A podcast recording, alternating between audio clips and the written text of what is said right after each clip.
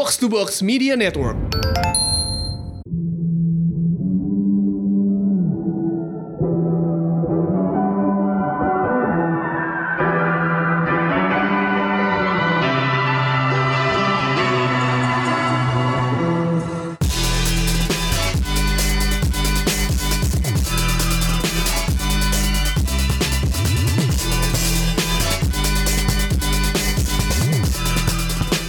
Datang di Showbox Podcast, ada gue Lisa. Dan gua Angga. Dan hari ini kita bakal membahas Fox Road 6 Six, ya. Cuma seperti biasa eh, di fil Kita kan ini podcast ngomongin film sama TV series ya enggak Jadi eh, sebelum mau mulai ngomongin Fox Road 6 Kita bakal selama 10 menit ke depan Kita bakal ngomongin recap tontonan minggu ini Iya. Seperti biasa. Lu dulu deh enggak, lo minggu ini nonton apa aja? Gua nonton film asing semua Sama nih gue juga Mohon maaf, industri film Indonesia belum sempet nonton film di film Indonesia di bioskop lagi Eh, kemarin nonton di Netflix sih Velvet Buzzsaw Hmm, gimana gimana? itu tentang eh, sebu- sekumpulan lukisan dari seorang pelukis tidak terkenal Ya. ditemukan di rumahnya ketika si pelukis ini udah meninggal dunia karena usianya udah tua juga. Hmm. Terus ternyata ketika itu dipamerkan dan dibeli sama banyak orang, ada kekuatan supranatural tuh di balik lukis- lukisan-lukisan itu. Wow. Ada kutukan kayak semacam kutukan gitu dan itu membunuh beberapa orang yang Oh terlibat God. dalam pembu- terlibat dalam penjualan eh, lukisan-lukisan itu gitu ke seperti pemilik galeri, kritikus seninya. Ini kayaknya yang bikin filmnya karena dendam sama kritikus Dia bikin lah cerita seperti ini Tapi menarik sih filmnya karena emang kayak me- memperlihatkan gimana kelindan antara industri Hmm. antara seni, industri seni gitu kan terus juga gimana kritikusnya juga berperan, gimana Hmm. etika di situ juga diobrak-abrik terus ada juga pengaruh supernatural gitu. Hmm. Dan tapi menurut gue ya cukuplah cuma buat tontonan yang menarik dan Hmm. popcorn movie aja sih sebenarnya. Iya. Karena nggak ada nggak ada dari segi horor pun nggak terlalu tergarap gitu. Gue gue nggak melihat ada supernatural yang luar biasa menarik di film ini dan meng- meng- apa ya memperlihatkan gimana kaitan lukisan dengan Hmm. kekuatan supernatural itu gitu. Ya cukup terlihat terlihat brutal sedikit sih beberapa adegannya Hmm. gitu aja. Aduh gue gue lagi masih cuti Netflix ya Jadi mungkin bulan depan akan balik lagi nih Balik lagi dong. Nunggu dulu nonton tontonan tontonnya banyak dulu gitu Biar gue gak rugi bayar Berapa berapa lima ribu ya Eh, Terus eh, gue minggu lalu sempat nonton Cold Pursuit eh, Filmnya Liam Neeson Nison nih. Hmm. Yang bermasalah karena dia bikin komentar eh, Oh iya, Karena ini film tentang revenge ya Tentang Ah, balas ah. dendam gitu ya Dan dia ya? cerita pengalaman dia nyari seorang pria berkulit hitam yang memperkosa temennya ya, kalau nggak salah temennya gitu. Hmm. Dan maksudnya itu jatuhnya jadi kelihatan kayak re, racist uh, revenge fantasinya dia sendiri gitu. Mhm. Jadinya uh, diinterpretasikan dengan salah orang-orang. Jadinya ya jadinya jadi adat karpetnya di cancel segala Oh iya? macam. Iya, jadinya jadi jadi masalah yang gede lah di Amerika sana gitu. Jadi uh, gue lumayan terpengaruh itu juga sih. Jadi ketika nonton ini, ini kan sebenarnya filmnya rada-rada kayak uh, Fargo gitu ya. Kalau dipikir-pikir Fargo, Oh, Fargo iya. rasa Tarantino gimana sih? Beneran, Fargo rasa Tarantino. Fargonya karena memang, Coen uh, Brother Coen kan? Brothers Hmm. yang ada Francis McDormand-nya. Iya. Kan itu film tahun 96, 96. ya, 96 gitu. Maksudnya uh, dark comedy gitu ya. Cuman uh, di sini tuh emang dia ngambil jadi kayak Fargo uh, versi Tarantino dengan versinya Liam Neeson juga yang tipikal revenge Iya, ngerti iya, nggak iya, sih iya, yang iya. kayak bapak yang anaknya Kayak diambil Taken atau yang itu diculik kan. ya kayak versi Taken-nya. juga jadi kayak gitu which is sebenarnya kalau lo lagi nyari sebenarnya kalau film-film awal tahun nih kalau Hollywood kan emang agak-agak film apa sih yang film bagus-bagusnya pada nggak masuk sini Iya, semua iya. soalnya Uh, jadinya gue sih awalnya cukup uh, nikmati gitu ya. Cuman lama-lama ya ini filmnya emang terasa sangat maskulin dan agak-agak pointless juga gitu ya. Kayak poinnya ya udah lo balas dendam aja gitu. Yang ya udah. Ya, ngerti gak sih? Kayak that's it gitu ya. Cuman kalau emang lo lagi nyari tontonan yang mindless yang emang lo nggak mau mikir gitu emang karena filmnya emang nggak mikir sih menurut gue. Mhm. Emang Gue mau cuma- nonton, gue emang mau cuma lagi butuh film-film seperti itu. lo lagi butuh nggak ini ya? Lo lagi butuh lagi suntuk gue. Eh, sorry banget nih podcastnya telat gitu. telat dua hari karena emang kita kan berdua punya full time job juga jadinya ya emang ya, life Iya, get in the way.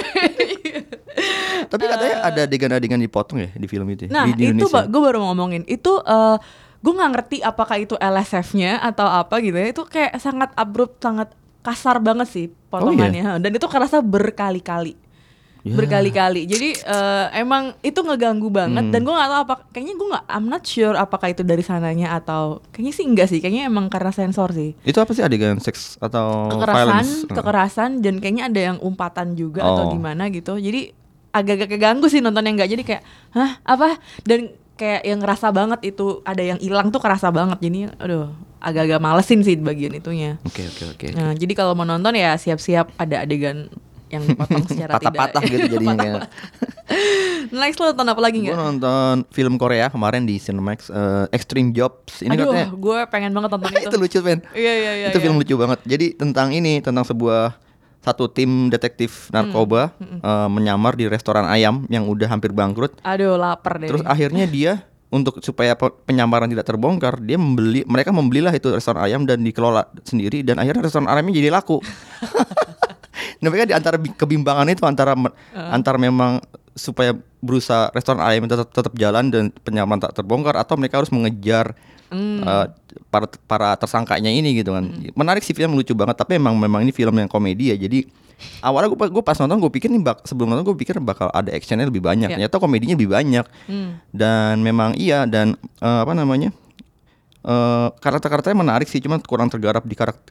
Ini kan ada, ada lima satu tim ini ada lima orang kar- lima orang karakter detektif kan. Cuma yang lebih tergarap adalah detektif eh, detektif pimpinannya nih si si kaptennya ini yang lebih tergarap. Sisanya sih kurang tergarap dan ya tadi seperti gue bilang juga eh, adegan komedi lebih besar. Tapi kalau memang dibandingkan dengan film-film Korea yang mengangkat tentang karakter-karakter polisi yang agak loser, yang selalu ga- gagal gitu, ini pasti kalah dibandingkan film-film dibandingkan dua film Korea kayak eh, Memories, Memories of Murder Iya. si Bong Joon Ho tahun 2013 sam- atau veteran yang tahun tahun 2015 tuh masih kurang oke lah dengan Hmm. Ini kata dibandingkan filmnya dua laku film. banget nih. laku katanya di ini Korea. Kedua setelah Roaring Currents ya. yoi Di- jadi dia eh, sekarang grossing terakhir kali gue lihat di box office itu sebanyak 81,6 juta dolar.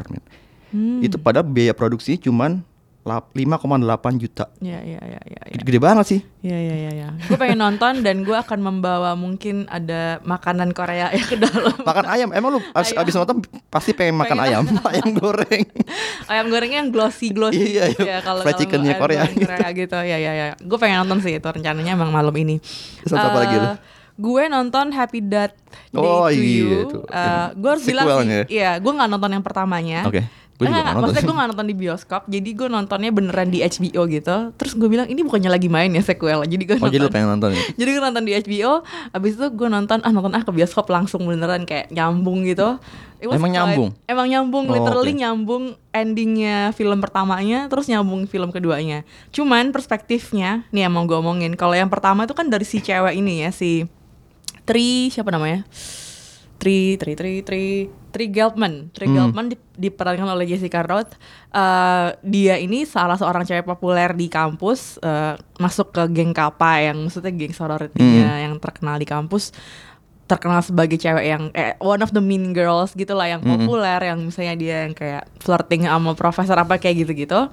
Eh, dan dia suatu hari pas ulang tahun dia dia bangun dia bangun terus eh, hari seharian itu adalah repetisi maksudnya gini di akhir hari itu dia dibunuh. Eh, dan ketika dia dibunuh dan dia bangun men- menjalani hari yang sama. Hmm. jadi happy birthday happy death day gitu. Jadi kayak ngulang terus ngulang Sampai terus sampai dia bisa nemuin siapa yang sebenarnya ngebunuh dia gitu loh. Jadi amang film awalnya tuh rada apa sih kayak thriller tapi eh, repetitif banget agak-agak ngebosenin gitu kayak aduh apaan sih gitu. Nah film keduanya eh, menjelaskan kenapa hal itu bisa terjadi Hmm. gitu loh. Cuman eh, di di di awal film tuh ada dia kan ngedate sama seorang anak kampus. Hmm. anak teman kampusnya gitu dan yang punya teman juga yang anaknya cukup geeky gitu. Dan di film kedua dimulai dari si geek ini perspektifnya Oh, oke. jadi gue sempat mikir oh oke ini akan jadi beda gitu ya karena ternyata dia punya eksperimen fisika yang men- fisika kuantum Ah. yang membuat hal ini tuh ter- kenapa bisa terjadi hal yang berulang-ulang Aha. dalam dalam soal, sana soal waktu ya Iya, jadi kayak time loop kayak sebenarnya time loop komedi gitu sih gitu. Oh, gitu. Ah, kayak. Groundhog Day, kayak Groundhog Day gitu. Cuma maksud gue jadinya eh, yang di film keduanya tuh jadi agak-agak aneh karena fokusnya balik lagi ke Jessica Roth lagi. Jadi awalnya gue sudah berharap, oh nih kita bakal ngomongin si si chat temennya yang geeky ini, yang orang Asia ini. Tapi ternyata balik ke Jessica Roth lagi. Jadi agak-agak yang kayak ya zong bosen gitu. Hmm. gitu sih jadi kayak ya udah lewat begitu aja sih filmnya buat gue nggak terlalu berkesan Dan ada kemungkinan ini kemungkinan akan di ada peluang buat jadi yang ketiga. ah ini tipikal film-film laku yang kayak ya udahlah ya film anak remaja. Ini yang yang gue nggak suka dari film ini adalah kenapa? Karena you're like feeding on woman's fear gitu. Oke. Ngerti nggak? Jadi kayak gue nggak ngerasa kenapa dibunuh tuh di film pertama dijelasin, tapi nggak masuk akal gitu loh karena sebenarnya ceritanya roommate-nya jadi kayak membebaskan seorang serial killer yang lagi dirawat di rumah Waduh, sakit heeh. buat ngebunuh si Tri. Terus kayak Motivasinya? mekanisme mekanismenya tuh nggak jelas gitu loh kayak eh, oke lo ngebebasin pembunuh terus kayak how do you know he like he's not killing anyone Aha, else iya, kenapa iya, kenapa dia harus ke Tri gitu kayak nggak nggak terlalu dilan dan itu ke diulang lagi di yang kedua tuh kayak jadi males gitu loh jadi kayak dia masuk ke alternate universe ngulang yang pertama tapi lakunya beda gitu kan aneh ya jadi kayak Kayak inget franchise. Scream ya? Nah, sebenarnya menurut gue emang kayak kayak kayak Scream, Hmm. cuman modern day Scream Modern yang day, sekarang ya. gitu karena literally pembunuh juga pakai topeng, yang item-item pakai topeng. Cuma kalau Scream kan topengnya yang putih Iya, yang serem iya, itu. heeh. Kalau ini tuh topeng bayi yang creepy Iya, gue tahu gitu tuh. sebagai simbol kampusnya. Aduh, gak ada. Gue yang kayak eh, ya ya oke nih kayak Scream campur Groundhog Day tapi ya Terus ya udah ada sih, fisika kuantum itu. ada ada fisika kuantumnya karena ternyata lo stuck di time loop sampai lo tahu siapa yang ngebunuh lo kayak why kenapa storynya harus kayak gini yang kayak lagi-lagi ketakutan perempuan jadi Sama, hal yang kan juga dijual. gitu, Iya maksud gue jadi kayak oh, itu kayak tahun 90-an aja deh udah Iya, udah kayak lewat a ya. bit tone deaf. Eh, mungkin masih kayak orang masih pengen tahu apa laku apa enggak ya film kayak Uh-huh. gitu dan ternyata masih laku kan Masih ya? buktinya dibuat sama sequelnya Hmm, gitu. Eh, lo gimana enggak nonton apa? Udah lagi? sih. Udah dua dulu dua dulu deh. ya udah kita gue juga dua dulu karena emang lagi dua aja kayaknya udah aduh Iya, bisa iya, ya iya. kejar nggak ya gitu Soal tadi bi- 10 menit. Dibatasin. dibatasin oke mari kita membahas apa nih nggak Fox, Six. oke dengerin dulu trailernya berikut Yuk.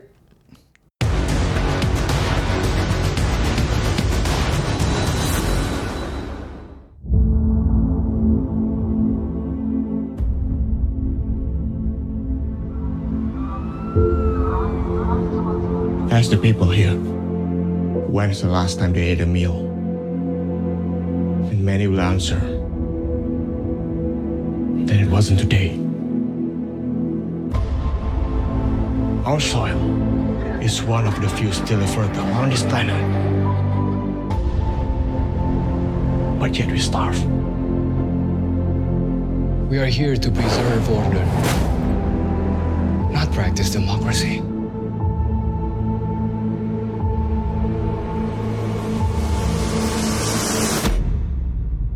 Alert the party. The congressman is now an enemy of the state.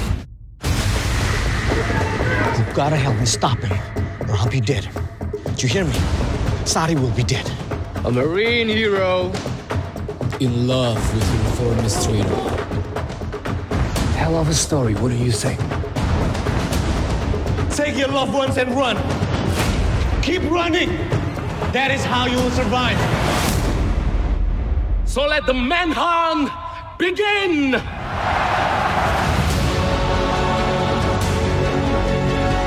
Look, I'm putting together an attack team. I want you in.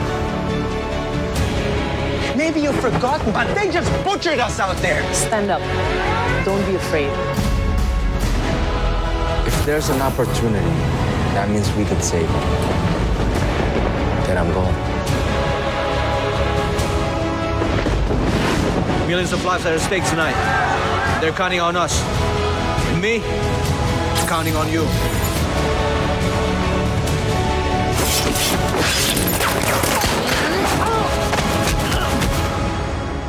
Execute. Open fire! Three. Two. One. Let's do this!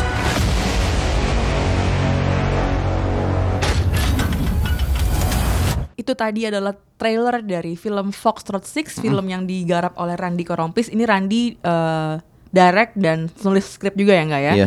Film ini diproduseri oleh apa eh, produser dari Hollywood asal Lebanon namanya Mario Casar. Eh, ini Mario Casarnya kalau gue lihat di online nggak, dia Iya. tuh terakhir bikin film tahun 2009 ya, Terminator Salvation. Jadi emang dia bikin film-film action kayak Terminator, Bas- Basic Instinct, terus Rambo juga ya. Rambo, mm. Eh, jadi emang eh, kalau referensi filmnya film apa action yang yang tahun segitu yang lama-lama. ini jadi penting nih nanti nih akan kita bahas. Ya udah, cuman udah kawakan dia. cuman gimana? Ini film hari pertama 70.000 ribu, not bad, bagus loh Kuat itu loh. angkanya. gue nonton hari pertama sih. Oh, gue nonton terus gue nonton Hmm. lagi kemarin di Blok M hari pertama. Oke, eh, oh nonton dua kali berarti? Nonton dua kali. Nonton dua kali. Gimana? Lo nont- nonton hari pertama itu rame nggak? Hari pertama di Blok M Square jam pertama nggak terlalu rame, biasa Oh, karena jam pertama, kan ah. udah mungkin seperlimanya doang kayak isi bioskop. Oke. Lumayan lah untuk film, film pertama, eh jam pertama gitu kan. Pas premiere sih rame banget ya. Hmm. Ya, ya, ya. Dah. ya udah lah masa dibahas ya. Kalau premiere rame banget. gue nonton sore dan itu gue nonton di lokasi yang buat Di mana? film Indonesia di Jakarta Barat yang emang nggak bagus buat film Indonesia Oh ya? angkanya. Tapi- Ha, maksud gue kenapa gue bilang nggak bagus karena emang jarang ada film Indonesia yang tayang di situ gitu. loh. Mm-mm. Jadi emang kayaknya pangsanya lebih ke eh, film-film Hollywood. Oh, Kayak MD gitu. berani juga ya masukin ke situ ya. Nah, tapi maksudnya ketika gue nonton, hmm, terus gue ngeliat kanan kiri gue adalah 30 orang gitu. Lumayan loh. Heeh, maksudnya ya berarti gaung filmnya kerasa banget nih buat mereka dan ada kayak pasangan kayak udah senior couple gitu yang kayaknya umurnya udah 60 ke atas gitu loh. Jadi kayaknya mereka pengen tahu apa gimana gue nggak tahu ya. Cuman kayak lucu aja gitu ngeliat ah ternyata ini range umurnya pun juga cukup eh, ini gitu. Iya, iya. Dan mungkin kayak penasaran pengen nonton film ini gitu loh. Mungkin mereka kenal Mario Kasar kan udah kawakan juga kan. Oh ini yang bikin Rambo saya Iya. kita nonton. Dulu kita nonton loh. ini yang bikin Terminator. Oke. Eh, gimana nggak filmnya nggak menurut lo nggak? eh sinopsisnya dulu kali ya. Sinopsis dulu deh, Ini gue bacain deh. Eh, Jadi ini gue ambil dari 21 Hmm. Cineplex. Jadi sinopsisnya, sinopsisnya adalah ketika Indonesia diambil alih oleh partai pembelot namanya Piranas, serangkaian peristiwa membawa mantan marinir bernama Angga kepada masa lalunya. Eh, yaitulah s- sehari di mana kebenaran di balik pendi- penderitaan rakyat terungkap. Kini menjadi tugas pahlawan kita itu kita Angga dan teman-temannya ini untuk menyelamatkan negara atau mati berjuang di- demi masyarakat gitu. Mm. Jadi ini ada krisis pangan ya. Pangan. Jadi ini kan Menarik filmnya suka idenya. eh, ini men- menarik banget idenya ya. Hmm. Ini kayak alternate universe di mana Angga Rulianto jadi diperankan oleh Oka. gue pas premier gue kan nonton filmnya, ah namanya Angga banget. Jarang-jarang soalnya ada film-film Indonesia nama karakternya Angga. Nama lo jarang terpakai Jarang, ya kan? Angga, ba- Angga sering kan. Eh, iya. Eh, gimana lo ngeliat film ini nggak? Pertama pas gue nonton pertama kali terus gue mencerna Hmm. Ini yang pas premiere ya? premier, Pas premiere. mencerna, mencerna idenya, Hmm. gagasan ceritanya sebenarnya menarik ya. Jadi Hmm. menempatkan Indonesia sebagai penyelamat dari Hmm. problem pangan dunia yang membuat masyarakat kelaparan gitu Ya, kan. because why not? Sebenarnya kita negara gede. Memang gede-gede dan Iya. memang eh, keta- soal pangan ini kan di dunia emang sedang Hmm. sedang eh, ini ya sedang dibicarakan Ya. apalagi mengangkut menyangkut soal perubahan iklim, Ya. global warming yang membuat eh, pangan jadi masalah pelik yang serius juga terus Hmm. juga soal eh, menarik juga karena akhirnya film ini dengan gagasan cerita seperti itu jadi kayak punya relate dengan kondisi sosial dan global sekarang gitu kan. Hmm. Walaupun memang ini kayak masih di awang-awang sih karena kan Indonesia sendiri sebenarnya sekarang masih dalam proses mencoba apa namanya ketahanan pangan kan Hmm. menuju ke sana kita masih Cie, punya baru masalah itu ya. iya kemarin tapi enggak ini masalah pelik juga sih soal pangan ini kan karena dan eh, apa namanya film ini ya cukup mengamplifikasi masalah itu gitu Hmm. Eh, dan apa ya berani sih untuk Hmm. ukuran sebuah film Indonesia Ya. dengan skala action seperti ini Hmm. dengan menarik dengan mencoba untuk menggambarkan masalah masalah global kayak gini cukup cukup berani dan belum pernah ada kayaknya kan film-film action sebelumnya kan kayak di The Raid 1 2 terus Hmm. eh, Headshot atau kayak The Night Come For Us kan masalahnya sebenarnya lingkupnya domestik kan Hmm. maksudnya itu masalah-masalah geng Ya. geng-gengan gitu Ya. kan geng penjahat geng penjahat nggak ada yang Ya. keterikatan dengan masalah di luar dunia ini di luar Indonesia gitu Hmm. itu sih menurut gua kalau buat masalah ceritanya sih menarik gitu Gue setuju karena menurut gue pengandaian kayak gini yang sebenarnya belum pernah ada Mm-mm. gitu. Karena kita selama ini mungkin ngerasa Indonesia ya negara dunia ketiga Yoi. masih secara ekonomi struggling apa segala macam gitu. Uh, tapi kalau lo ngeliat Black Panther itu kan pengandaian sebuah benua yang yang in reality mungkin dianggap powerless karena banyak Hmm. negara miskinnya, terus banyak terjadi konflik politik segala macam sosial budaya dan itu diandaikan sebagai ada sebuah negara yang canggih banget teknologinya tapi tersembunyi dan orang-orang nggak tahu gitu. Menyembunyikan Itu- diri. ah, jadi kayak itu sebuah pengandaian yang kayak eh, yang utopis dan nggak pernah yang belum pernah ada yang belum pernah melekat di negara-negara seperti itu kan di benua seperti Afrika dan itu sebenarnya terjadi di film ini itu sebenarnya kayak wah it's a it's a fresh air juga gitu Mengingatkan jadi lu pas nonton mengingatkan lu pada Black Panther juga gitu. Black Panther dan maksudnya selama ini kita selalu ngelihat yang idealnya tuh kan negara-negara Iya, adipower, eh, adipower, adi- adidaya. adidaya Hmm. gitu kan. Eh, dan ini jadi kayak oh ternyata negara gue ya bisa juga Bisa, gitu loh. ya. Dan ini kerasa banget semangat eh, sutradaranya ya untuk untuk untuk apa ya untuk eh, enggak loh, lo tuh bisa mikir kayak gini sebenarnya. Lo tuh bisa ini sebenarnya state of mind gitu. Lo bisa mikir kita jadi penyam- penyelamat dunia. Kenapa enggak? Kita negara gede, negara Iya. pertanian, negara Iya. per- eh, peri- apa terus eh, banyak nelayannya juga gitu ya. Why not? Kenapa kita nggak bisa memecahkan masalah pangan misalnya kayak gitu.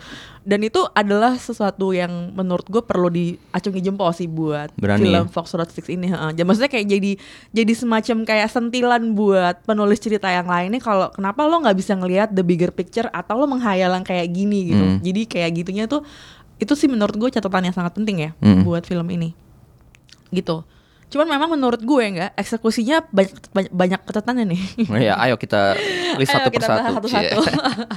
Eh, kalau gue mungkin yang kerasa banget di gue adalah yang pertama mungkin kamera dulu nggak Hmm. kameranya. Eh, menurut gue statis banget. Jadi gue nonton Iya, gue ini tuh juga sih. ngerasa kayak ini sebenarnya jadi gini kayak pendekatannya drama dramatis banget gitu kayak gue ngerasa kurang pergerakan. Jadi ketika alur ceritanya makin tegang atau nggak lagi serius banget, ini kan filmnya serius banget ya. Hmm. The film is a very serious film gitu kayak. Tapi ngerasanya tuh kayak kayak lo tuh di situ-situ aja gitu Hmm. nggak ada dinamikanya tuh kurang banget dari segi apa apa looknya gitu loh gue nggak tahu apakah lo merasakan hal yang sama sama gue Dari awal eh, iya, jadi Hmm. ketika kita dibuka dengan adegan pertama Ya. si eh, Angga Angga sih. Oh, oh, Dirimu. canggung ya buat ngomong nama Angga. Oka aja deh Oka, Oka diperankan oleh Oka ini bertemu dengan Sari gitu kan dan Iya, mereka di tengah eh, jalan di tengah gitu. jalan Hmm. terus mereka akhirnya ciuman gitu kamera muter Iya. 350 derajat Iya. itu agak memang dari awal udah ngeliat wah ini drama nih film maksudnya Nah, itu- elemen dramanya udah itu kelihatan gue awal juga gitu ngerasa kan. sama ini oke drama gitu terus jalan terus kan jalan terus dan gue ngerasa bener sih kata lu beber- banyak adegan yang diambil dengan shot-shot yang untuk adegan seperti itu harusnya terlalu diam ya terlalu Mm, statis nah ya terlalu diem mm. apalagi kalau kita mau nggak mau kita harus membandingkan dengan film action Indonesia yang Betul. udah punya nama juga Betul. kayak The Raid 12, The Headshot dan The Night Come For Us yang kameranya sangat gila banget iya kan gerak kamera Mm. apalagi The Raid gitu Iya, kan iya, heeh. itu ya mau nggak mau harus dibandingin kan dan ini masih punya banyak kekurangan entah mungkin karena emang mungkin director treatment dari si Randy Korompis mungkin seperti itu dan mungkin untuk mencoba mengeluarkan sisi drama cuman menurut gue ya mungkin ada beberapa yang berhasil ada beberapa yang enggak gitu Hmm, hmm, hmm, hmm. Betul betul betul. Gue setuju juga dan eh, gue sih berharapnya ini kan kayaknya bakal ada sequelnya ya kalau ngelihat harusnya gitu nanti di spoiler kita Kan, bahas. mm-mm. Cuman kayaknya sih bakal ada ya harusnya ya gitu. Eh, cuman ya itu sih kayaknya gue gue ngelihat dari it- itu itu kayak perlu jadi catatan yang sangat penting buat Hmm. nanti di produksi selanjutnya gitu. Eh kalau padahal padahal si Hmm. DOP-nya ini Bang Ical Tanjung Ical ya. Tanjung, tapi yang- emang kalau ngeliat track tapi katanya dia kan juga film-filmnya drama ya A Copy of My Mind. Terus yang apa Teddy Su yang Eh, Lovely- Lovely Man, Something terus in the Way, About Woman gitu kan. Nah. Pengabdi Tapi Setan. Pengabdi setan.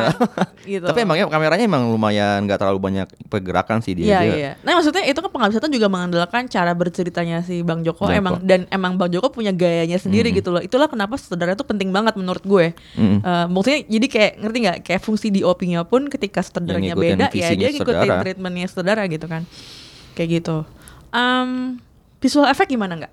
Nah, Nah, visual effect entah kenapa gue ngerasa banyak yang nggak banyak sih. Hmm. ini film megah banget loh. megah megah karena masalahnya global kan. Iya, ya betul. masalah pangan dan ini coba Dan untuk dan dari jadi segi hero gitu di Indonesia Iya. gitu kan. dari segi itu sih menurut gue cukup bisa menyamai ya Hmm. eh, dari segi visual efeknya megah karena memang ceritanya tuh grand gitu kayak apa narasinya tuh besar sekali gitu ya grand narration gitu Eh, Nah ini mungkin harus ngebahas juga ya, director treatmentnya si Randy Kerompis Hmm. ketika dia menceritakan film ini dari awal eh, dia ngebuka banyak adegan-adegan pembuka dengan footage-footage news footage dari Yeah. stasiun TV itu. Dan itu menarik karena sebenarnya jarang very banget Hollywood dari Hollywood dan untuk Indonesia kan jarang ya film Yeah. Indonesia seperti itu dan itu lumayan membuat ini jadi punya kaitannya ceritanya kita mau ngomongin soal masalah global dan itu penting dan Ya. itu karena penting makanya ada news footage seperti itu dan lumayan bisa mengcapture ya, masalah global dalam ceritanya juga sih.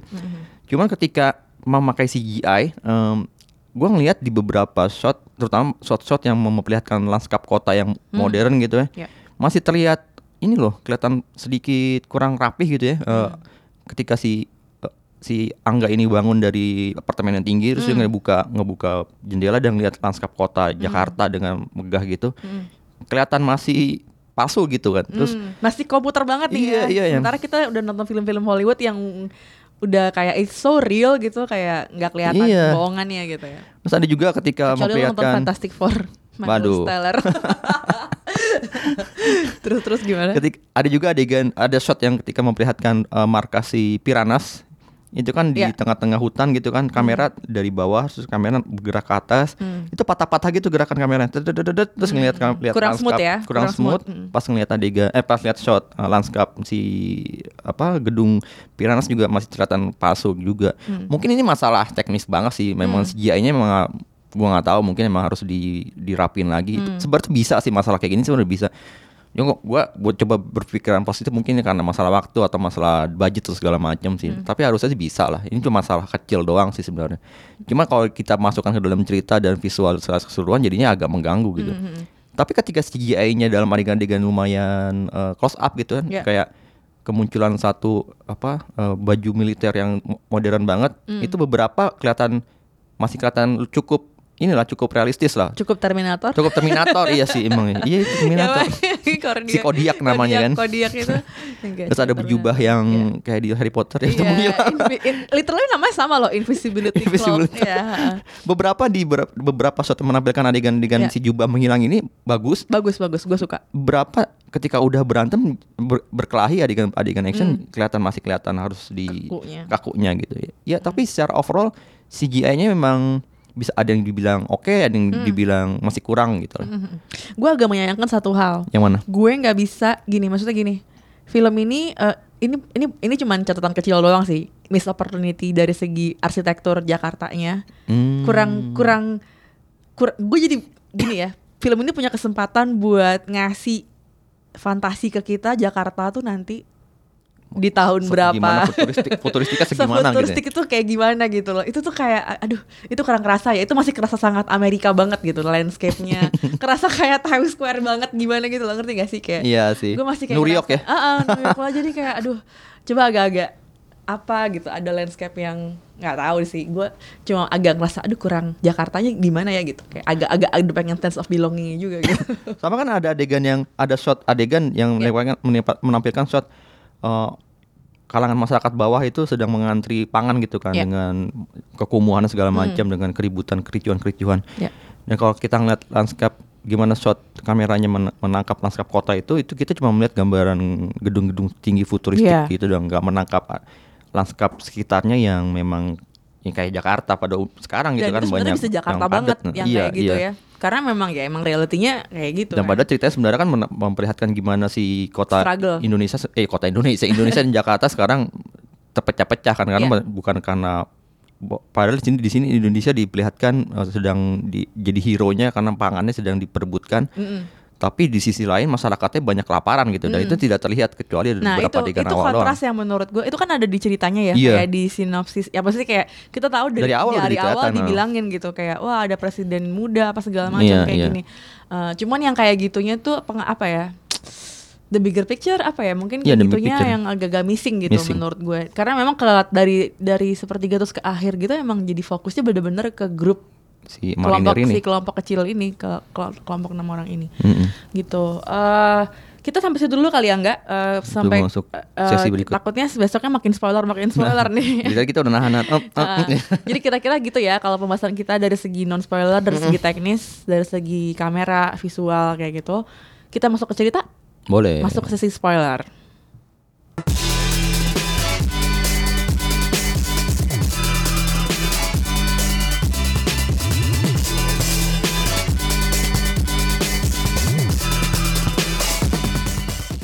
gimana nggak actingnya Oka ya menonjol lah ya. Iya. Karena kan di pemain utama si Angga. Bukan Angga Penampilannya berubah banget ya. berubah.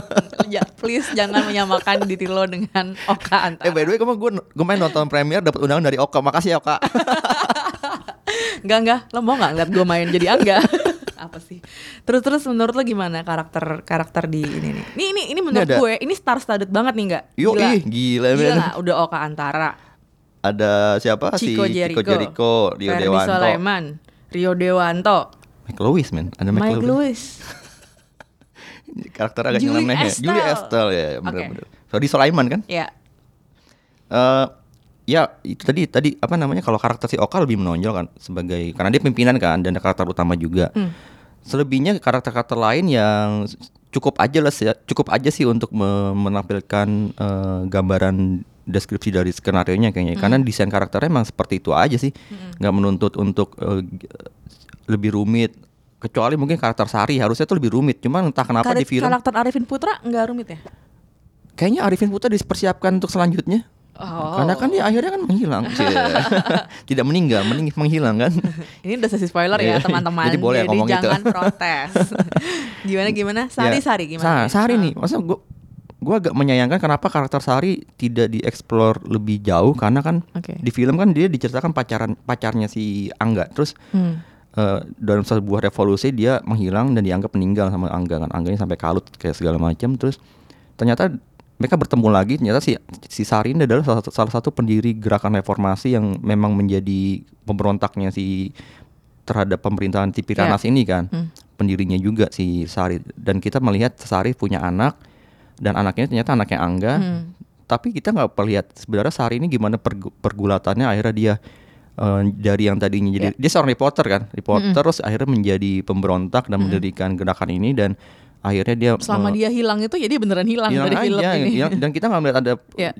ada adegan-adegan yang menjelaskan backgroundnya itu gitu dan akhirnya dia meninggal karena dia harus menyelamatkan ya si dalam satu adegan yang cukup dramatis gitu si Angga harus memilih antara menyelamatkan si Sari atau menyelamatkan anak-anaknya anaknya dan warga-warga lainnya termasuk si presiden itu Hmm. dia dia menyelamat dia dia berusaha menyelamatkan si Sari dan Sarinya akhirnya mengorbankan diri supaya si anaknya Ya. selamat Hmm.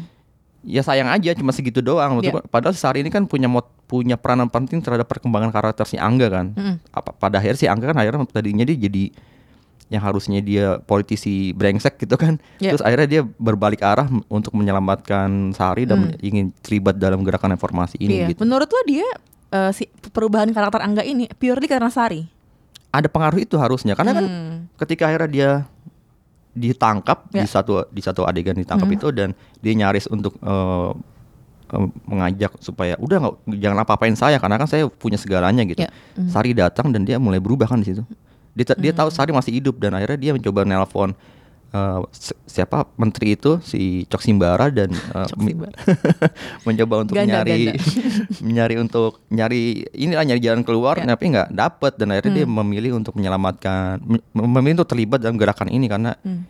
mungkin karena dia juga punya motivasi karena dia mantan marinir Ya. dan ya ada Sari dan ada anaknya gitu kan Hmm. dan dia tahu ada anaknya itu tapi itu nggak kurang kegarap sih drama dramatik Hmm. keluarga ini Iya iya iya. Jadi emang agak lit, s- apa crap banget ceritanya karena banyak banget yang mau diceritain nih kayaknya nih. Kayak origin story-nya, origin story-nya Fox Red Six-nya ini kayak banyak banget yang mau diceritain dan gue setuju sih gue agak kecewa juga karena ketika karakter Sarinya itu eh, perannya ya cuman enabling Angga buat jadi pemimpin Mm-mm. penggerak reformasinya itu. Padahal punya potensi untuk kuat kan Sari dan ini kan kelompok reformasinya juga nggak terlalu terlihat pergerakannya iya, gitu. bener. Jadi bener-bener eh, tahu-tahu si Angga kan ketemu karakternya Chico nih. Terus ngikutin, Hmm. Si Spek terus tiba, ya spek, terus tiba-tiba di di di apa di, di bukan dikeroyok, cuman kayak hampir di ya gitulah disudutkan Hmm. gitu. Barulah ketemu sama geng reformasi ini. Cuman sementara itu kan lo nggak di awal itu kan sebenarnya cuma si Angga mau bikin mau menang kampanye, Hmm. mau menang tender gitu sebenarnya mau menang tender dan jadi twistnya jadi apa ya apa per- perpindahannya dari situ tuh agak-agak kurang smooth menurut gue. iya bener Hmm, jadi kayak harusnya lo dikasih introduction ke pergerakannya tim reformasi kelompok Iya. reformasi ini gitu, kenapa reform. harusnya itu membuat si Angga jadi mau masuk ke situ iya, kan Itu jadi kayak eh, bisa aja motivasinya nggak cuma Sari doang misalnya. Emang Mm-mm. mungkin dia sebenarnya dia kan tadinya katanya orang baik nih. Katanya dia kan dari eh, anggota marinir pas segala macam cuma jadi brengsek Kenapa? Itu politik. dijelaskan kan? nah Nah. itu dia gitu Eh, jadi itunya perpindahan perpindahan cerita itu agak-agak terlalu ini sih menurut gue agak-agak Hmm. ada yang kurang juga gitu ada yang kurang dijelasin mungkin karena emang dia ya mungkin masalah durasi atau apa ya jadi kayak gitu sih kalau gue Soalnya karakter Sari ini kenapa jadi penting buat Hmm. kita, eh, buat gue juga ini secara eh, karena kan kalau kita ngeliat film-film action sekarang, apalagi kalau ini mengacu pada film action Hollywood gitu ya. Hmm. Sekarang karakter- karakter-karakter perempuan dalam film action Hollywood tuh lumayan kuat gitu kayak Hmm. terakhir kita lihat di Mission Impossible yang terakhir itu juga lumayan kuat karakter perempuannya dan itu untuk sebenarnya buat kalau kita ngomongin secara industri, cara ngomongin bisnis gitu ya, untuk menyasar penonton harusnya ya jangan terlalu harusnya dikuatin juga nih karakter perempuan jangan cuma jadi pelengkap aja gitu. Yes. Sayang sih kayak gitu. udah eranya mitu ya. Eh, kita akan ngomongin ini nggak? The Apa Elephant lagi? in the Room bahasa Inggris. Ini gue Gue lumayan gue kemarin baca tweetnya terganggu. Watchmen ketawa sih. Gua nggak baca itu. Tujuh puluh ribu mana? orang sudah les bahasa Inggris. Dia sarkas juga ya. Adminnya banyak nih yang mana yang sarkas tuh semuanya Mana sarkas. tuh? Ayo mimin yang aku yang nge-tweet les bahasa Inggris. Tapi kita Lo- punya kegelisahan yang sama ya soal Lo soal bahasa. kita les bahasa Inggris? Iya dan itu bahasa Inggrisnya Amerik sekali kayak. Amrik banget ya Amrik banget dan gue ngerasa very uh, uh, sangat terlatih gitu. Sangat kayak gue wawancara orang korporat kayak begitulah kira-kira. Oh. karena udah kayak ada pakem-pakemnya gitu loh sampai nada ngomong apa ya nada ngomong slangnya pun sangat kaku Iya, gitu iya. kayak ngerasa dan gue jadi nontonnya tegang sendiri kayak Aduh, bisa gak sih "Eh," deliver gitu. ya? iya iya. Aduh bisa nggak ya lo ngomong ini? Aduh gimana? Jadi kayak ngerasa ada ngerem-ngeremnya gitu beneran. Gue sampai Heeh. segitunya nonton itu. Jadi kayak wow gitu. Eh, cuman menurut gue nggak keputusan untuk bikin film ini dalam bahasa Inggris ini penting nih nggak buat diobrolin. Urusan bisnis nih kayaknya nih. Nah itu dia. Sebenarnya kalau film Fox ini sebenarnya buat penonton mana sih nggak menurut lo? Pen- Penonton penonton nggak gini? Karena gue bilang kalau misalnya kita mau bilang oh mungkin ini mau dibawa ke negara luar gitu ya. Jadinya filmnya di dubbing karena orang luar nggak suka nonton film pakai subtitles Apalagi misalnya. penonton Amerika, Misalnya gitu. Amerika gitu ya. Cuman di Amerika pun, misalnya kayak kalau castnya bukan eh, non white, non Americans gitu, biasanya tuh jadinya jadi musuh kalau kalau di film Amerika, ya kan? Iya. Eh, maksudnya gini, kayak film kayak Black Panther sama Crazy Rich Asians saja yang dominasinya bukan orang kulit putih itu baru terjadi filmnya tahun lalu, Mm-mm. baru nongol tuh tahun lalu gitu. Hmm, jadi nggak tahu kalau maksudnya secara potensi bisnisnya tuh ke mana itu gue masih gimana menurut lo? Gue agak masih baca-baca juga sih gitu. Ya ini dugaan gue sih. Cuma memang eh, Ya kita dengan, juga ber- berdua cuma menduga-duga. dengan adanya Mario Kasar di sini sebagai uh-uh. executive producer, Ya. gue mikirnya film ini emang mencoba untuk meraih pas untuk menyentuh pasar di Amerika karena dengan terutama dengan adegan iya. eh, dengan bahasa dialognya bahasa Amerika Dan sekali gitu. apa bahasanya emang Inggrisnya Inggris Amerika. Inggris Amerika dan eh, tapi menurut gue jadi aneh ya soalnya gini eh, kalau kita ngelihat industri film dunia secara keseluruhan Iya. kayak Korea, India terutama India juga Jepang gitu ya. yang lokal lokal itu konten lokal sekarang sedang meraja kan dan mengglobal juga coba sebut mana aja film konten-konten lokal yang saking merajanya eh, itu sampai diambil sama Hollywood terakhir si film animasinya Your Name itu bakal diadaptasi sama si JJ Abrams kan. Terus kalau kita ngeliat film Korea eh, dengan konten-konten lokal mereka dengan bahasa Korea jelas, terus juga budaya-budaya lokal mereka ditampilkan dalam film itu kuat banget sampai membuat di- pernah dulu film Star Wars yang eh, terakhir itu untuk premier untuk tayang perdana di Korea mereka mundur jadwalnya karena ada film Korea besar di sana dan mereka nggak mau- terganggu gitu. Karena mereka tahu film Korea di sana pasti lebih kuat gitu. Ya.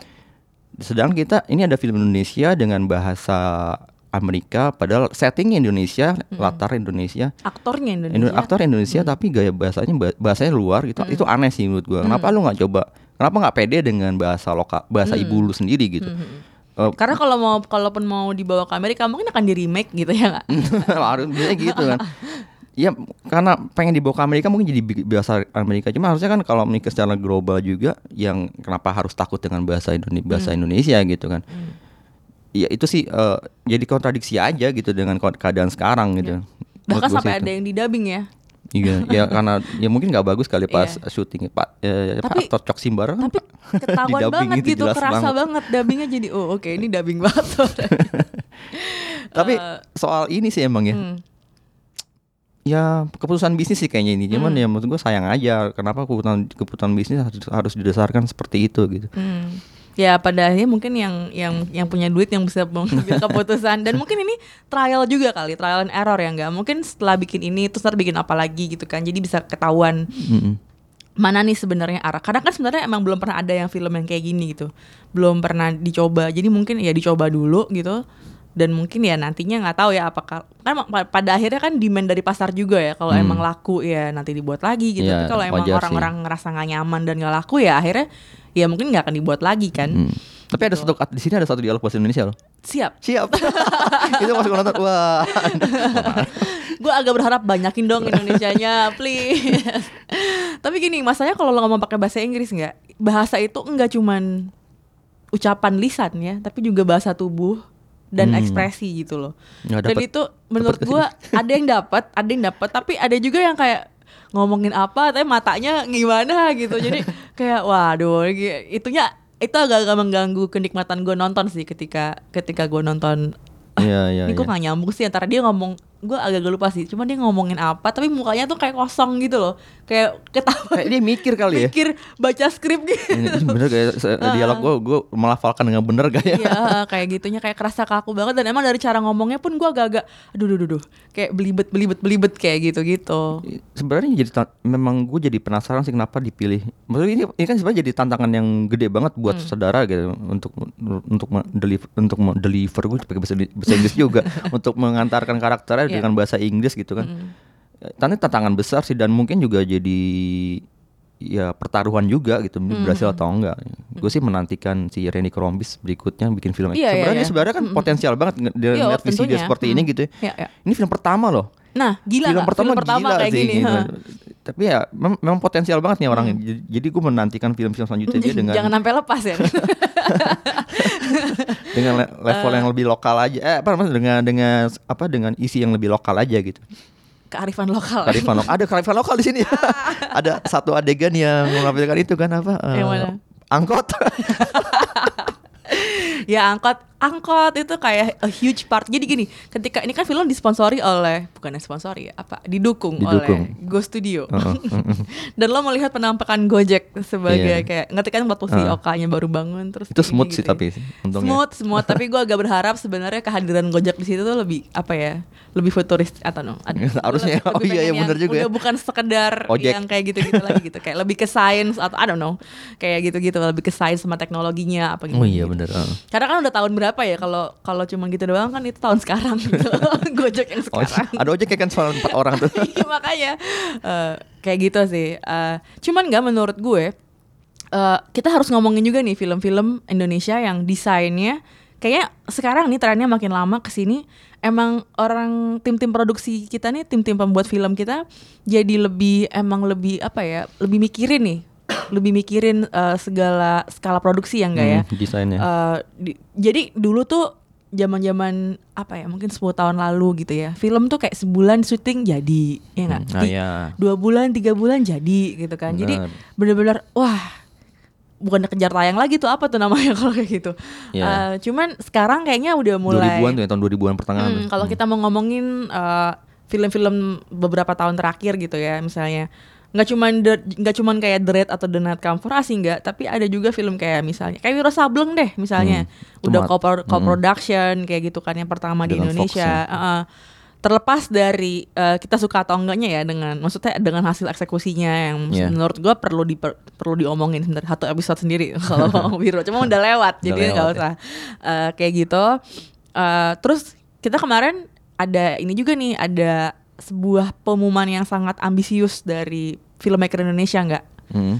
Eh, jadi ngikutin Marvel namanya Satria Dewa Universe Wih. jadi ini lokal superhero kita yang pertama filmnya Gatot Kaca Hmm. jadi kayak gitu Udah keluar loh teasernya. teasernya udah keluar tapi Menarik filmnya sih. baru tayang tahun depan jadi jadi ngerti ya. nggak jadi kayak orang-orang udah mulai tahu nih oh gue harus prepare gue mau tayang kapan gue harus announce kapan jadi hype-nya kejaga jadi ketika Hmm. filmnya akhirnya keluar orang kayak ah gue mau nonton ah gue udah sering denger film apaan sih iya, gitu Memang seharusnya begitu kan. dan memang harusnya begitu nggak Hmm. kayak dulu ya kalau dulu ya Sebulan tentu sebelumnya. saja bikin film Indonesia rugi orang bikinnya cuma berapa bulan nggak ada promo budget promonya nggak ada gitu Eh, kayak gitu sih nggak Eh, menurut lo kalau dari segi tren kayak gitunya gimana tren produksi yang semakin lama semakin wah ini Ya kemarin kan memang kita gue juga dapat undangannya dan dapat juga ininya sih tapi gue nggak bisa datang dan dapat rilisnya Yang kemarin Gatot Kaca ya? Ini kan dibikin sama Magma Entertainment ya Iya. dan emang pemain lama Sama Karavan. buat juga Karavan oh iya Karavan yang bikin ini Berdua, juga bareng-bareng. eh Leo Sableng kan Hmm. memang ini lumayan di, di- dipersiapkan sebagai konten yang eh, untuk pengembangan IP ya. Jadi nggak Hmm. cuma film doang, jadi ada Betul. merchandise-nya, ada Ya. komik, website, eh, bahkan sampai bahkan bikin ini juga apa namanya playground juga kalau nggak salah. Iya, Dan bahkan- serial. Iya. Hmm. Kita ngelihat sih memang sekarang bukan tren ya, memang sekarang memang eh, potensial konten itu untuk digarap itu nggak cuma film. Hmm. Betul. Voli- film itu bisa beranak pinak menjadi konten-konten Hmm. ekonomis lainnya kayak website we- apa kayak OTT, OTT serial segala macam Ya. kan. Jadi memang memerlukan eh, persiapan matang dalam praproduksi dan bah- bahkan perencanaan dari awal gitu kan. Kalau gua lihat sih kalau ngelihat historinya pembuatan film Foxtrot Six ini kalau kita Hmm. kaitin dengan Foxtrot Six sebenarnya Iya. dia dia dipersiapkan juga dari dari berapa kalau salah 4 tahun 3 tahun lalu deh. Bahkan si Randy ini kalau- kalau gue sempat baca wawancaranya gimana dia cerita tentang pembuatan Foxtrot Six dia udah bikin dari tujuh berapa berapa ya 10 Udah tahun lama. lalu udah lama banget Udah lama, pokoknya ya. Hmm. tapi pengembangan ceritanya emang lumayan Iya. kuat kan eh, lumayan banyak kan Hmm. dan ini akhirnya jadi itu pun dengan dukungan dari Mario Kasar dan dan Hmm. beberapa pihak lain nggak cuma Rapid Eye Pictures doang kan MD Iya. juga ikut terlibat di sini Hmm. MD sebagai distributor. distributor Hmm. dan sebenarnya nih apa yang dibik apa yang dipersiapkan dan dibikin sama Fox Totos ini udah bener gimana Hmm. dia cara me- cara dia mendesain produksinya dari awal dan dikembangkan dan dan memang kan kalau nggak salah si Mario Kasar ini ter- tertarik untuk dalam produksi film Fox Hmm. Karena dia lihat ada potensi IP yang besar dalam Ya. dalam film ini kan Hmm. dan itu juga dan gimana promo film ini publikasi film ini dipersiapkan si. Fox Totos ini dari awal Eh, dari beberapa bulan lalu kita udah melihat si tim tim pemain dan Hmm. kru dan castnya juga udah Apa ma- sih yang ke acara- acara-acara bukan Idea komik? Fest Bukan di Ya. Comic Con apa? Kayak Idea Fest dia datang kalau nggak salah. Idea Fest ya? Idea Fest di eh, iya acara besar kayak Comic Con itu kan. Terus Gua dia juga dia juga keliling-keliling ke kampus-kampus Iya, gitu. iya, iya. promonya udah jalan udah Hmm. udah oke lah gitu. Tinggal sebenarnya tinggal kita matengin aja proses-proses produksi seperti ini Hmm, Dan itu sebenarnya harus ditiru oleh banyak filmmaker lainnya kan gitu Ya, ini bisa jadi apa ya contoh model ya, bisa jadi model. eh, Walaupun sebenarnya ini udah dilakukan juga oleh udah produksi udah film lain kan, udah kayak udah udah Sableng eh. gitu. Cuman kan kalau yang level produksinya kayak gini dengan gagasan cerita yang, Yang- seberani, iya, seberani ini, ini. gitu ya. Jadi nggak cuman Harusnya sih sekedar- lebih iya ya. gitu. Jadi kayak maksudnya nih udah ada nih, udah ngisi nih slot yang gagasannya kayak gini gitu loh. Eh, bisa dieksplor lebih jauh gitu ya. Kayak Hmm. dulu tuh sebenarnya si Kimo tuh pernah bilang mau bikin film zombie kan kayak gitu-gitu. Hmm. Nah, yang kayak gitu-gitu loh. Jadi kayak mungkin lo explore yang gen- genre-genre lain gitu ya. Mungkin kan ada yang bilang juga sebenarnya Foxtrot ini hitungannya sci-fi juga misalnya. Ya, gitu. karena ada futuristiknya. Iya iya, jadi kayak bisa bisa kayak gitu, yang lebih yang kayak gitunya, yang lebih dieksplornya. Ya, Gitu sih. Ada catatan lain nggak? Kalau gue sih udah. paling itu ya. eh ini soal bahasa mas, gue masih mikirin soal bahasa. Gua Anggap masih terganggu soal bahasa.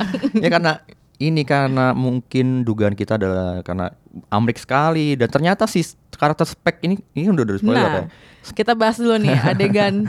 ada dua adegan setelah kredit Middle ya, Di- tapi di yang penting sebenarnya middle credit scene, scene ya yang di terakhir tengah-tengah dan itu. yang terakhir. Yang terakhir gue nggak nonton tuh. Yang jadi gue emang nonton yang tengah-tengah yang, doang. yang terakhir eh, maksudnya nggak usah dibahas di sini karena biar penonton aja nonton sendiri Oke, gitu. ya. Tapi kalau yang penting Yang itu sebenarnya yang yang, tengah itu yang Hmm. kedua karena di situ diperlihatkan si Spek ternyata masih hidup Ya. si yang diperankan oleh Chico Jericho.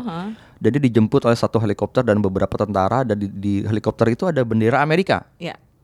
Makin kuat gak Gue- dugaan kita gue ini film ini tentang ya, emang Nah, kuat itu. di Amerikanya Iya, iya, gitu iya. kan. Dan gue gue lihat si bendera itu, cuman apakah itu berarti Chico orang Amerika atau dia dipekerjakan oleh pemerintah Apa- Amerika? Iya, bisa juga sih. Mungkin dia spider nggak Eh, tahu deh. Cuma dari ada ber- gitu. keberadaan bendera Amerika itu membuat gue jadi bertanya, jadi Iya. meng- meng- mengaitkan eh, titik-titik dalam film ini gitu kan. Ya, taunya titik-titiknya. enggak, taunya tuh minjem doang pesawatnya. bantuan, bantuan. Bantuan Amerika. kita terlalu terlalu spekulasi ternyata kita. Nggak, cuma menurut gue itu penting karena eksekutif produsernya kan dari Iya Son- Mario eh, Kasar. Terus Mario bahasanya. Amerika Mm. sekali. Jadi bikin soal, Iya. gue jadi mikir soal politik selera. Jadi Iya, iya. gimana ke- ke- gimana soal kekuatan dari kekuasaan dari elemen-elemen kayak produser Hmm. atau dari pasar pasar di luar. Ya. Dari exhibitor di luar dan itu membentuk selera penonton eh, sekarang itu mem- mempengaruhi gimana film ini memenuhi coba coba memenuhi politik selera di luar sana entah itu Betul. Hollywood entah itu Amerika entah itu Iya. di region lain gitu kan Hmm. gue ngeliatnya seperti itu sih. Jadi kemungkinan emang ada pengaruh besar dari politik selera di Hollywood sana gitu. Tentunya dan sebenarnya yang namanya politik selera itu ya itu juga di didikte oleh uang juga kan. Ya. Jelas. Jelas banget kalau Beijing maksud gue Beijing adalah Cina Hmm. eh, udah sangat apa ya punya kuasa terhadap politik selera di Amerika. Iya, Hollywood takut loh sama Cina. Nggak, mungkin, nggak mungkin, nggak sekarang udah nggak mungkin jadi musuh apa segala macam. Mhm. Karena terakhir kan filmnya Keanu Reeves ya yang sempat jadi nggak masuk sana Iya. gara-gara ya itu, gara-gara tidak sesuai dengan seleranya orang Cina gitu ya. Eh, jadi eh, kenapa kita ngomongin Foxtrot Six sedalam ini? Karena emang ini menurut gue salah satu momentum di perfilman kita. Ketika ini kita mulai bersinggungan nih dengan apa dengan Elemen-elemen luar. elemen-elemen luar dan nggak cuman sekedar nggak apa ya nggak cuma sekedar gaya-gayaan atau cuma sekedar fashionnya doang atau apa Hmm. tapi udah bahasa yang berarti ini cara mikir kan nggak Iya, cara mikir cara, cara pikir. berekspresi Benar. gitu kan cara lo Budaya masuk situ kan. budaya Hmm. dan ini soft diplomasi banget sebenarnya gitu loh jadi eh, gitu sih jadi semoga teman-teman yang udah nonton Foxtrot Six eh, maksudnya meng- mengkonsumsi filmnya nggak cuman sekedar keren-kerenan doang atau seneng-senengan doang tapi juga dipikirin yang dari sisi yang Iya, benar. kayak gitunya ya enggak Saya bijak banget satu Sabtu liburan. Oh, kita rekaman hari Sabtu nih guys. Abis ini malam minggu. Angga mau nongkrong ke mana? Enggak lah gue ngurusin anak pulang ke rumah. Saya mau nongkrong. Oke, thank you banget udah dengerin Showbox. Thank you. Eh, nggak ada lagi ya nggak? Segitu aja dulu ya. Nah, kita sabung buat review berikutnya aja. Review berikutnya kita mau ngomongin apa nih? Itu tuh film Yang rindu itu berat. berat-berat itu. eh kita mungkin banget ya. Mungkin kita akan ngobrol dengan cast Foxtrot Six. Oh iya. Siapakah dia? Nah, nanti kan kejutan dari kita ya.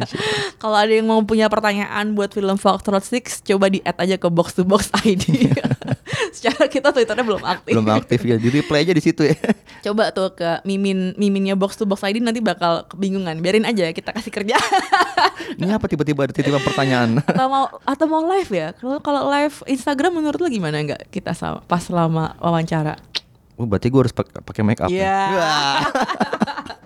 Pakai kodiak aja. Gue potong rambut dulu deh. rambut gue gondrong sekarang. Oke, thank you banget udah dengerin segitu aja. Mungkin kita akan wawancara Cash Foxtrot. Iya, doakan mungkin saja ya. Iya. ya. Nantikan nantikan aja. Tapi yang pasti kita bakal review Dilan minggu depan. Iya, Dilan wen. Dilan Jadi- 1991. Ya, Dilan dan Milea. Oke, thank you banget udah dengerin. Bye bye. Bye bye.